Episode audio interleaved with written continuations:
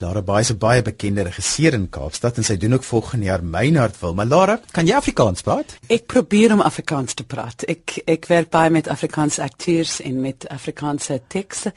Maar die probleem is ehm um, my man en uh, my seun praat uh, French. As ek repeteer met my akteurs, begin ek French praat son uh, without realizing it. Dan kyk die akteurs na my kom, wat sê sy? Wat gaan nou hier aan? En ek sê, am I speaking French guys? Ja, Larry, ek praat French. Nou, is is uh, ja, ek ek wil baie graag Afrikaans praat. Ek hou baie van Afrikaans. Ek hou baie van uh, teater in Afrikaans. Ek ek vind daar is 'n 'n poesie, ek weet nie om uh, te sê in Afrikaans nie, ehm um, van die taal wat that is very profound and very beautiful.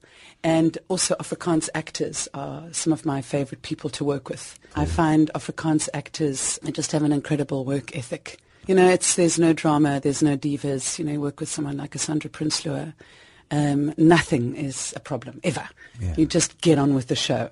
So I don't know if that's an education thing or if it's a training thing or a cultural thing. You know, in my Richard III cast, you know, I was looking for Afrikaans actors. Mm also because it's that way of approaching language that's not precious, you know, it's not that comes from another place, from a core place. Jy doen hierdie jaar Maynardville, so eerste keer. Ja. En jy het besluit om Richard III te doen. As they say in French, folie. Vertel vir ons Richard III. Well, Maynardville is an extraordinary event in Cape Town theatre. Um, I think it needs to be much more celebrated, you know, um, and ac- acknowledged. A management that produces full-length, seriously done Shakespeare often people do an edited version for budget reasons. You know, Alan Committie did a wonderful one-man version of Richard III, and Fred Abrahamse did it with three people.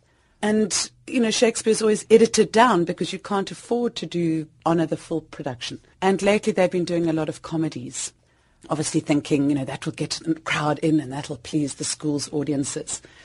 And when we were in discussion and management was wanting to do another comedy, I was like, no, no, I think that audiences love drama. You know, people love Game of Thrones. They love Homeland. They love political subject matter, you know, deeply. Mm-hmm. I, I think we audiences need more credit for being incredibly engaged with the world we're living in. If you look at Facebook, whatever the issue might be, canned lion hunting to, you know, marches in Cape Town, people are very aware of the world that they're living in. So let's engage with that. Let's not be afraid of amazing drama and making that so exciting and and finding the best actors, you know, so it's a cast of uh, 52 characters. Sure. and we're not cutting any of the characters. Often what people do in cutting the play, they make it a Richard one-man show, like mm. Kevin Spacey, and, and you don't even notice anybody else around. They cut everybody, everybody. I don't want it to be, you know, got Warwick Grier playing Richard, and I, th- I think he's one of the most exciting, like scarily exciting, charming, but strange actor. You know, mm, it's mm. just extraordinary. But I wanted him to have a supporting cast that, that could match him word for word. So in, in Shakespeare's play, there are a lot of children and women and citizens. You know, in South Africa, how taxis, you know, taxi ranks, how politicized those taxis are people aren't just talking about generations, they're talking about, you know, strong political issues. So we've kept all of those levels of storytelling, the citizens coming on, you know, what's going on, the king is dead, the children and how they're part of the whole cycle that just gets repeated from Shakespeare's time until today. Nothing's changed, really. Hoe werk die proses van om iets in die buitelug te doen? Want dit is soveel anders wanneer jy al die ander goed van 'n teater het, want daar's baie challenges met buitelug produksies. A lot. One being sound, um and Cape Town southeaster wind blowing. So it's not just a question of putting on a microphone and projecting loudly. So vocally, we have Liz Mills on board because I'm also working with some very young actors who've just graduated from drama school. And, you know, all the actors have got different voice qualities. So how do you find one ensemble of sound in that outdoor area? So that when we move into the theatre, um, we've already booked her, is going to be a massive time set aside for that because the microphones get cut out. You know, it's technical. Mm. You have the southeaster howling while you're doing a quiet moment and this wind whipping through your microphone, you know. And of course, you have bodies. Um, we're having a very beautiful, simple, clean space, and you know, with, with the costume designer, the idea to make amazing shapes. We're not setting it in a particular period. We're making our own world. You know, uh, Shakespeare, like with um, with Wagner, for example, Flying Dutchman, we did. It's one time to not go shopping at Canal Walk or like Access Park because you need really cheap yeah. tackies. Yeah. You know, it feels like it's a time where we can make a world. So we're trying to find really beautiful shapes. Um, again, the challenge of being outdoors. You know, I think if you just put someone on that stage just in a pair of blue jeans, you're losing an opportunity to to heighten that actor, to heighten that character. Ek weet hoe dit werk as jy met gewone voorlegging doen aan die komitee van Meinhard wil wat nou besluit hoekom hulle spesifiek hierdie produksie wil doen. Wat was die goed wat vir hulle opgewonde gemaak het van dit wat jy gesê het jy gaan doen? That you'll have to ask them. Yeah. I don't know. I okay. don't know. I just motivated very strongly for a tragedy. Yeah. Very, very strongly. For me, it was Richard III or Henry V. Yeah. You know, a war story, amazing, um, just not a comedy. I have nothing against wonderful Shakespeare comedies. That's, I just felt it was time. Um, it was time. You know, it's been a long time that they haven't done a, a drama. Um, so th- I think that mm. might have been, you know, I, I've, I still can't get my head around the fact that it's my first time ever directing Maynardville. And I feel with the operas I am prepared for um, an epic production. But it's the first time they've ever produced Richard III in 58 years of doing Maynardville. So I just think that act of faith in myself and my company is uh, it's it's quite moving. I feel quite um, incredibly privileged. Iets wat my altyd fascineer is is as 'n mens se regisseur en jy werk saam met 'n hele span mense, oh, maar yes, oh, yes. en 'n hele span moet maak wat jy in jou kop sien. Ja. Hoe kry 'n mens dit reg dat dit wat jy in jou kop sien gebeur op die verhoog? That is such an essential question and and it takes getting the right people. So for a project like this you can't work with someone you've never worked with before. You need to know that that person's going to handle pressure, that they're not going to start freaking out and screaming at people. Yeah, you know, that they can, the more tense things get, the calmer they're going to be. And then, because most people haven't actually read Richard III, it's not something anyone's seen before. There's no frame of reference. So for my sound designer, my um, lighting, uh, lighting designer, costume and set, none of them have read the play. So I had to first spend probably eight hours broken up over a few sessions. Because I don't want them to now go and watch Ian McKellen. That's not the play we're putting on. Talking through every scene in the play. I've got uh, massive um, folders on, on the computer of mood images that I've been collecting, like hundreds of photos, sitting through the photos with them, getting them kind of to start climbing around in my brain.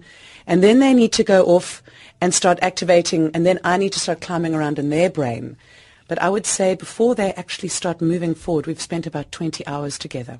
Sure. You know, for me, it's that important. It, it can't just be, oh, yes, no, it's Victorian, go and find. No. Because we're creating our own world, so there's sort of steampunk, there's Japanese street fashion, there's Victorian. We're referencing old Boer War soldiers and British generals in the Boer War in terms of creating our world. And then once they go and start dreaming on their own, they've then got to inspire the next chain of people, which are the people that are going to manufacture everything. Are you with me? It's a sort of ripple effect. And I cannot, um, I don't have the time or the energy to now be worrying about the manufacture person. So I have to trust that my designer is now inspired and, and then of course they're the actors. So one has like already individual meetings with actors talking about the process and because we only have five weeks to do this five act play it's, we need double the time. So the actors have been so committed that I've been working with them in kind of two hour, four hour sessions just to accelerate the whole process. Die deel wat vir my altyd fascineer van regisseurs is is dat julle hoe langer julle in die proses ingaan, hoe meer word julle eintlik onnodig. Ja. En ja. moet julle julle losmaak want ja. ander mense moet doen wat julle wat in julle koppe gebeur. Mm, mm. Hoe kry 'n mens dit reg dat jy dan wegstap en dit nou oorlaat om te mm, gebeur? Mm. I, I think it's having the right team again. Mm. Um, you know, I used to act a long, a long time ago. And I've managed now to, to separate that opening night and that letting go. I've, I very often, my, all my actors tend to know I don't watch opening night. I find it too painful. It's silly. You back chat to a lot of directors. They'll be out there taking up smoking in the parking lot or getting to know the barman really well or the car guard. this audience going crazy and there's this lonesome person in the parking lot. Actually, the most important person of the show. Because there's nothing you can do. And if mm. anything goes wrong, it's like a physical pain, you know, mm. the amount of stress that you are carrying in your body. And often on opening night, people come to you and go, oh, that was amazing. What are you doing next? And you just want to bash their head against a wall because it's like childbirth, you know. Seriously, that letting go, trusting your actors that they can get it right, that they, that the sound person is going to come in exactly at that moment that your stage manager, who's now your most important person, um, will keep that company morale going. Yeah. And then you just let it go and pop in and keep in touch, but I, I try not to do notes after opening. Actors need to f- figure things out for themselves as well, yeah. Ons met die laaste vraag sê ons tyd is verby en ek wil net vir as mense ek weet dis 'n kykie in die toekoms in want die show is nou van jare en jy's besig daarmee is.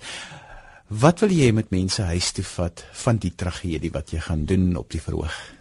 I want the stars to shine brighter. I want them to feel magnificent.